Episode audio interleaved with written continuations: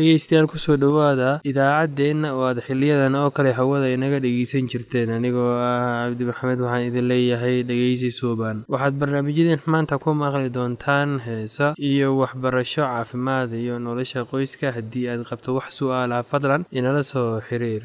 Ciwaankeenna waa radio somaly at yahu com. Mar labaad ciwaankeenna waa radio somaly at yahu dt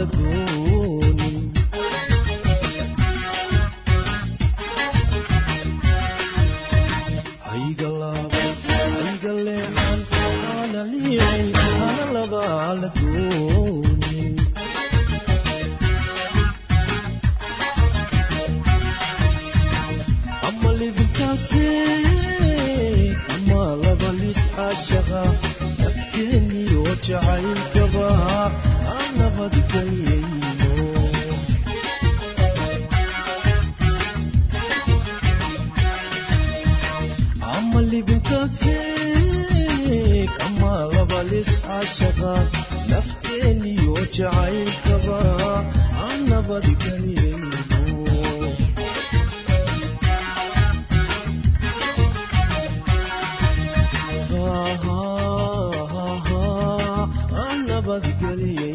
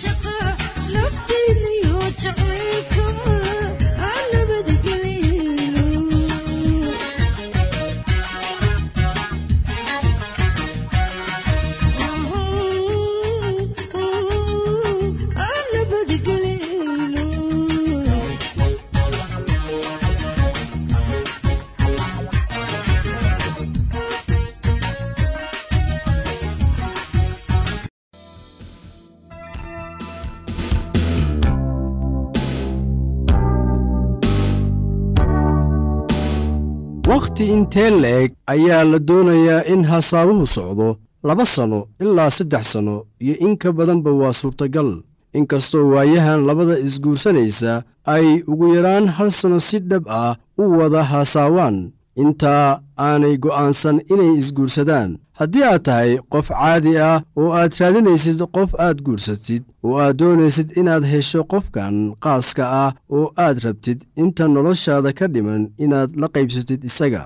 Hase yeeshee waxaa jira dad badan oo ku dheggan fikradda ah in qofka ay guursan doonaan uu adduunka uun meel ka joogo oo ilaah u qoray taasoo runtii ah mid uu shaki ku jiro. Waa maxay fikradda aad ka qabtid? Kuwa isguursanaya hal qof oo qura miyaa kugu diyaar ah adduunka mise waxaad leedahay awood aad doorasho kaga samaysid dadka aad maalin kasta la kulantid?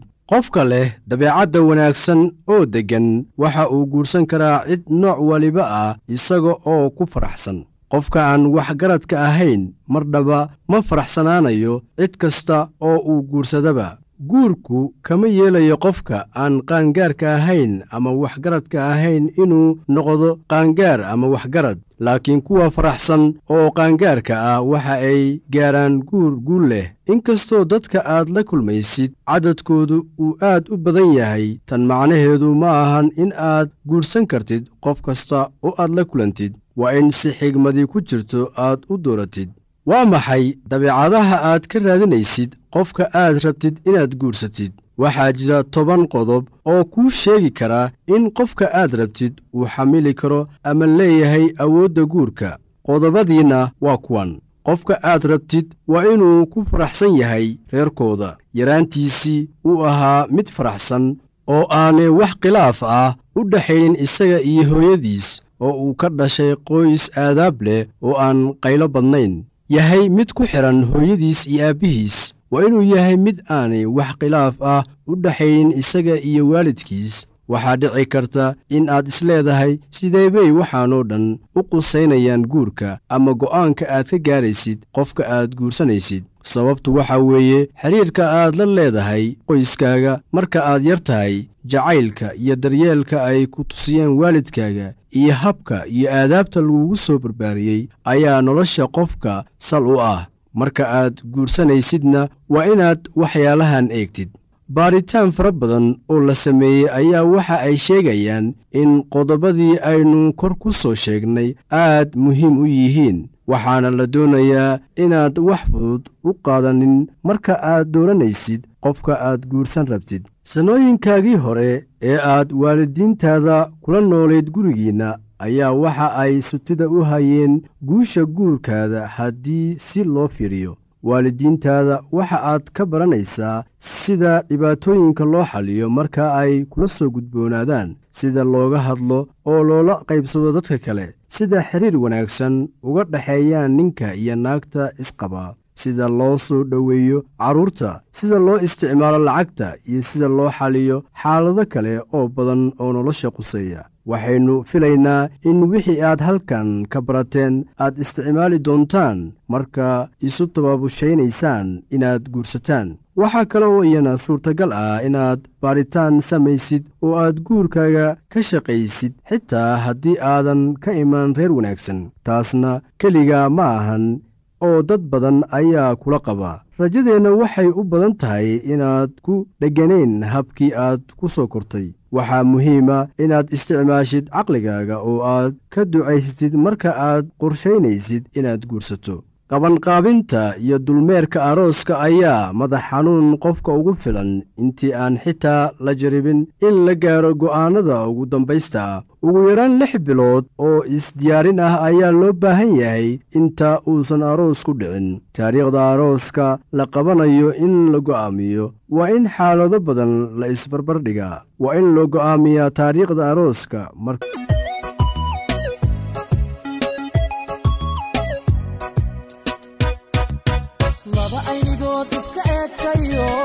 iska amina ammaan mudane indha cashaqo isku ooyayo is-ilaashada ammaan mudane axdigay dhigteen u adkaystayo aroos gala ammaan mudane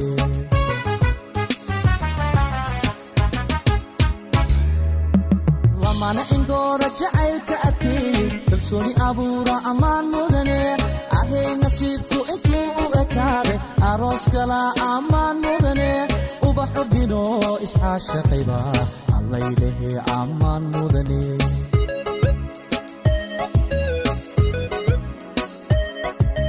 Laba aynigood iska eegtayo iska amina ammaan mudane. Indhacashaqo isku ooyayo is-ilaashada ammaan mudane. Axdigay dhigteen u adkaystayo aroos gala ammaan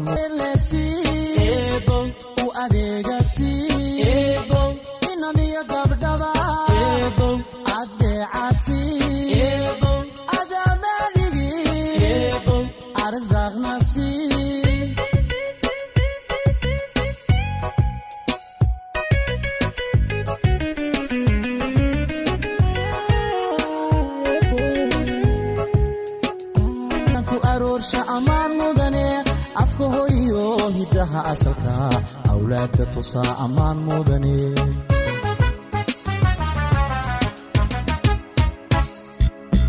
laba aramida imtixaanka jacayl u adkaystebaa ammaan mudane abaabulka guurka nolol istareex leh labay u ahaata ammaan mudane laba ubadkooda ku abaabsho oo islaamnimo baray ammaan mudana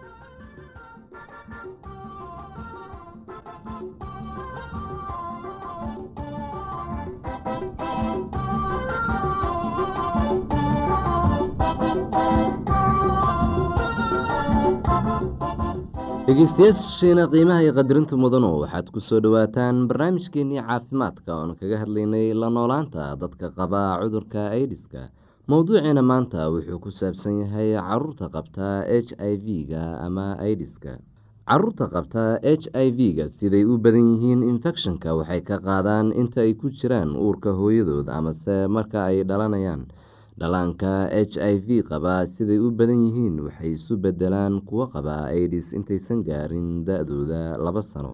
Qaarkoodse waxay ahaadaan kuwo caafimaad qaba ilaa intay gaarayaan lix sano. Caruurta h i v ama aidis qabta waxay u baahan yihiin kalgacayl iyo daryeelid cunto nafaqo leh jawi saxadiisu wanaagsan tahay. Waa in takhtar loo geeyaa marka ay xanuunsadaan carruurta halis ma aha haddii la xambaaro ama laysu duubo carruurta qabta h i v-ga ama aidiska h i v kuma faafo carruurta kaadidooda caliyadooda saxaradooda ama matagooda. Cunug h i v qaba uma gudbin karo infecshonka haddii uu kuwa kale la cayaarayo ama uu la qeybsado waxyaabaha ay caruurtu ku cayaarto caanaha naaska hooyada waa cuntada ugu wanaagsan ee dhallaanka. Waxay ka ilaaliyaan dhallaanka shubanka iyo cuduro badan oo kale. Naasnuujintu waa muhiim. Haddii ay hooyadu ama dhallaanku ama labadooduba qabaan h i v haddii aysan hooyadu aada u xanuunsanayn talaalku aada ayuu muhiim u yahay. Haddii cunugaagu qabo h i v ama aidis waa la talaali karaa waalid h i v ama aidis qaba ayaa qabi karaa carruur saxadoodu wanaagsan tahay waayo waxay noqon karaan carruur dhalatay ka hor inta aysan hooyadu qaadin h i v ama waxay noqon karaan kuwo dhashay nasiib wanaag kadib markii h i v haleelay hooyadu. Caruurta saxadoodu wanaagsan tahay waxay u baahan yihiin kalgacayl fara badan mid amase labada waalid ah waa dhimanayaan shaki la'aan waxay noqonayaan agoon. Waalidiinta h i v ama aidis qaba waxay caawimi karaan caruurtooda saxada wanaagsan haddii ay waqtigooda siiyaan iyagoo u daryeelaya hogaaminayana ay u sameynayaan rajo haddii ay mustaqbalka u hogaamiyaan sidii qaraabadooda ay u daryeeli lahaayeen ama ay u hagaajiyaan mustaqbalka sidii loo bixin lahaa lacagta ujuurada dugsiga haddii ay suurtagal tahay. Waa inaa hantidaada u ilaalisaa caruurtaada iyo qoyskaaga ka hor intaadan dhiman. Qaraabada iyo kuway qusayso oo ka mid ah bulshada waa inay ku dhaqaaqaan u daryeelidda carruurta qabta aidiska hay'ado badan baa jira oo u gargaara laakiinse mas'uuliyadda oo dil dusha iskama saaraan. Dadka waa inay ogaadaan inaysan qaadin h i v marka ay bixinayaan dhiig laakiinse haddaad og tahay inaad h i v qabtid waa inaadan dhiig bixin. Maxaa wacay? Kadib markii la baaro ayaa la qubayaa. Laakiinse haddaad qabtid h i v ama aidis oo aada u baahato dhiig waxaa ka heli kartaa dhiig la soo baaray oo laga soo miiray dad aan h i v qabin. Dadka qaba h i v ama aidis qaarkood waxay aaminsan yihiin in daawo soomaaligu lagu daaweyn karo qaar ka mid ah xanuunyada aidisku sababo. Tusaale ahaan dadka qaarkood waxay dhahaan daawada waxaa loo isticmaali karaa cuncunka daawo geedoodka qaarkood waa qaali. Waxaa ku roon inaad lacagtaada ku iibsatid cunto nafaqo leh iyo waxyaabo munaafac leh. Xusuuso dhakhaatiir dhaqameed jeermiga kama nadiifiyaan sakiimada ay isticmaalayaan. Tan waxaa laga qaadi karaa h i v. H i v ama aidis sababta keentaa ma aha sixir iyo waxyaabo la mid ah. Sidaa awgeed ma jiro sixirow daaweyn karaa u tegidda sixirowgu waxay ahaan kartaa qarash fara badan. Waxaa kaa khasaaraya oo keliya lacag fara badan adigoon ka helayn wax caawimaad ah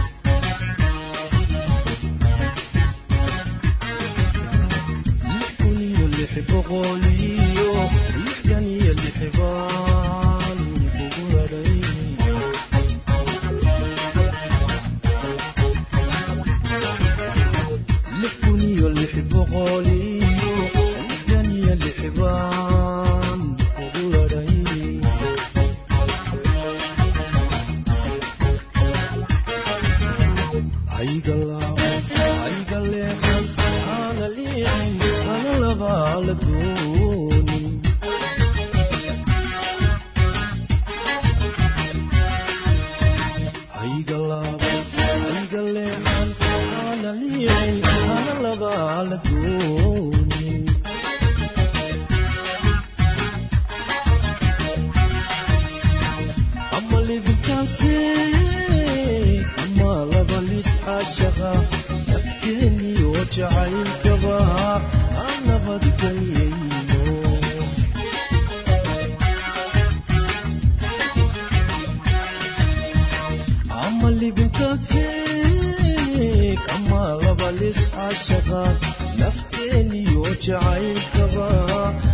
nabadgelyo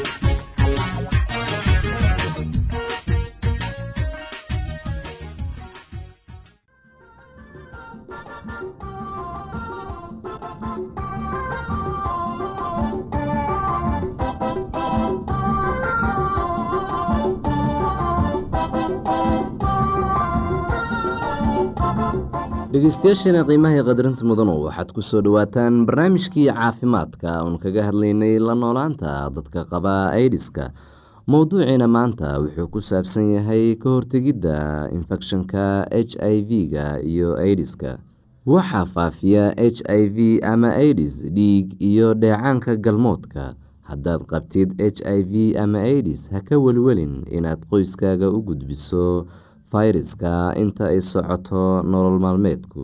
Laakiinse haddaad rabtid inaad naf ahaantaada iyo kuwa kaleba ilaaliso waa inaad yeelataa dhowr digtoonaan waa inaad iska ilaalisaa jeermiga adigoo saxada gurigaaga wanaajinaya. Dabool dhaawac kasta oo kugu yaal dadka kugu gargaaraya daryeelidda jirkaaga waa inay iyaguna daboolaan hadday dhaawac qabaan ka fejignow haddii dhiig kaa socdo ama ay jiraan dhar dhiig ku yaal biyo karkarsan ku dhex rid dharka iyo wax kasta oo dhiiga gaaray. Jeermiga h i v-ga kuma noolaan karo biyo karkarsan iyo markii wax badan uu qoraxda ama meel qalalan u yaal.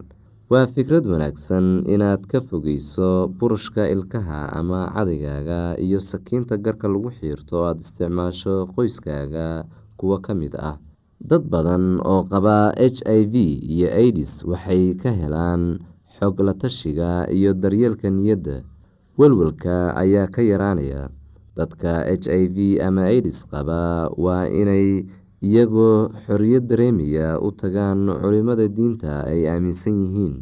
Diimaha oo idil waxay leeyihiin ducooyin loogu duceeyo dadka xanuunsada wadaadka wuxuu ku bari karaa sidaad xiriir fiican ula yeelan lahayd ilaahay iyo sidaad ilaah u weydiisan lahayd inuu ka qaado mushkiladda ku haysata. U dhowaanta ilaah waxay kaa caawineysaa inaad iscafiso oood is ogolaatid dadka kalena ogolaatid. Waxay kaloo kaa caawineysaa inaad runta ogaatid oo aad markaas ku noolaatid xaqiiqada dadka qaarkiis wuxuu aaminsan yahay in hadalka ilaah uu yahay gargaar weyn. Akhrinta kutubada ilaahay waxay dadku ka helaan fariimo qalbigooda u wanaagsan oo dhiirigelin siinaya. Gargaar ayay leedahay xitaa marka aad qof kale ilaah la baryeysid waxaad la qaybsan kartaa walwalkaaga iyo walaacaaga haddaad dareemeysid in lagu takoorayo ha hilmaamin in naxariista ilaah mar walba kuu furan tahay. Aaminaadda ilaah waxay kaa gudbin kartaa marxaladaha adag. Daryeelka niyadda wuxuu dadka h i v-ga ama aidiska qaba ka caawiyaa inay wajahaan tijaabooyinka jirada wuxuu xitaa ka caawiyaa inay u diyaargaroobaan geerida.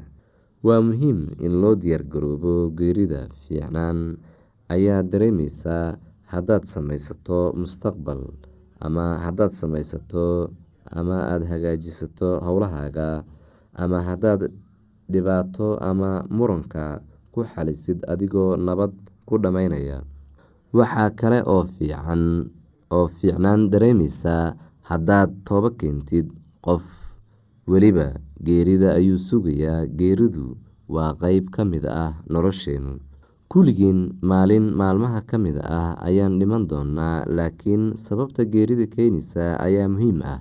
Waxaa aada u fiican in la geeriyoodo adigoo kula joogaan dad aada jeceshahay. Haddaad geerida ogolaato walwal la'aan geesinimadaadu waxay bedeli kartaa niyadda nolosha kuwa kaa dambeeya. Sida badan waxaa la ogsoon yahay walwalka aan ka qabno ayaa geerida naga baqdin geliya laakiin waa inaad aaminto ood rumayso ballanqaadyada ilaah